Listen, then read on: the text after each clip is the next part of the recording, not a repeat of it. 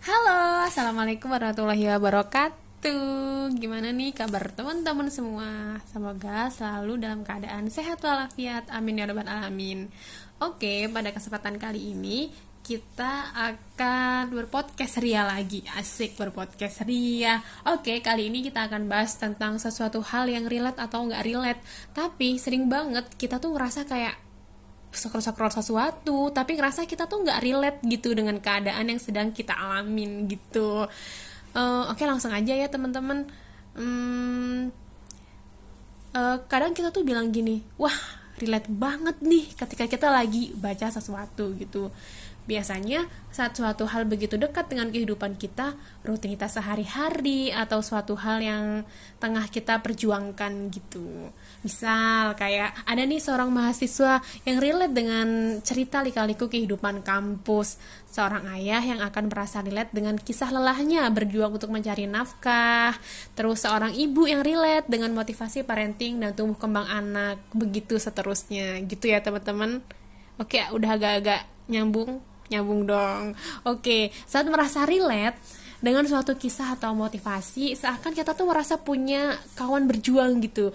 Saat rasa tuh kita ngerasa kayak oh ternyata aku nggak sendirian nih. Ternyata yang ngerasain sesuatu hal yang kayak aku rasain tuh wah ada banyak nih gitu serasa kita itu punya kawan untuk berjuang, nggak sendirian, merasa dimengerti, merasa dipahami, dan dikuatkan pundaknya. Asik dikuatkan ya say pundaknya gitu. Karena e, banyaknya konten reliable yang sangat disukai di sosial media, khususnya untuk anak-anak yang milenials ya gitu. E, terus pernah nggak sih bestie-bestie atau teman-teman itu merenung kalau kita mudah relate dengan konten di media sosial, sudahkah kita itu relate dengan konten yang Allah hadirkan? Wah, apaan tuh? Iya, Al-Qur'an jawabannya gitu. Sudahkah kita tuh relate dengan apa yang sudah Allah berikan untuk umatnya, yaitu adalah Al-Quran yang digunakan sebagai pedoman gitu.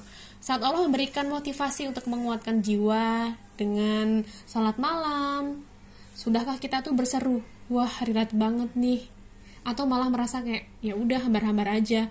Kita ngelakuin kayak saat malam tuh kayak ya ya udah gitu. Bisa jadi karena begitu jauhnya kita dari sholat malam sehingga nggak bisa ngerelate gitu. Jangankan untuk berlama-lama menikmati ayat-ayat Al-Quran ya uh, kayak berkesannya tuh nggak ada menguatkan jiwa kita tuh nggak ada. Apalagi kita mau kayak menghafalkan serta mengamalkan makna dari Al-Quran itu sendiri gitu. E, saat Allah memberikan motivasi mudahnya kita untuk mempelajari Al-Quran hingga diulang empat kali dalam surat Al-Qamar sudahkah kita tuh merasa liret atau hati kita tuh kayak ya udah kayak hambar-hambar aja biasa aja. Bisa jadi karena jauhnya kita dari perjuangan mempelajari Al-Quran hingga nggak bisa relate gitu ketika kita tuh lagi baca Quran gitu. Uh, habis itu bagaimana mungkin ya kita tuh bisa relate dengan pertolongan Allah akan kemudahan untuk mempelajari Al-Quran jika berjuang saja kita belum gitu. Kadang tuh kalau kita ngerasa kayak nggak relate nih baca biasa aja ngerasa hambar gitu. Tapi kita tuh nggak mau untuk memperjuangkan gitu. Nggak mau memperjuangkan tuh artinya kayak ah nih kita sekali baca nih hari ini. Terus kita ngerasa kayak nggak tersentuh jiwanya. Ya udah biasa aja baca cuman baca. Tapi besoknya kita nggak berusaha untuk mengulang lagi nih menjadikan uh, sebuah rutinitas gitu. Saat Allah kisahkan perjuangan dakwah para nabi sudahkah kita tuh merasa relate atau hati kita tuh hambar-hambar ya biasa saja gitu. Jangan-jangan karena jauhnya kita dari perjuangan dakwah, seringnya kita bersantai, duduk-duduk hingga kita nggak bisa relate. Padahal Allah kisahkan perjuangan para nabi untuk meneguhkan hati kita. Bagaimana bisa relate dan merasa diteguhkan jika berjuang saja belum gitu. Pertanyakanlah kepada diri kita masing-masing. Kalau kita sering nggak relate sama Al-Quran, menandakan Al-Quran itu belum dekat dengan kehidupan kita, belum jadi rutinitas sehari-hari atau sesuatu hal yang tengah kita perjuangkan.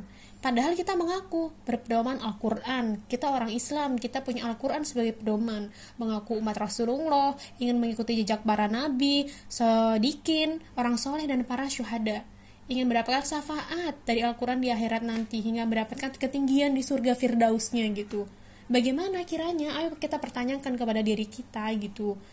Sudahkah kita itu berjuang? Sudahkah kita itu berjuang untuk bisa memahami Al-Quran lebih dalam dan menjalankan dalam kehidupan kita sehari-hari gitu?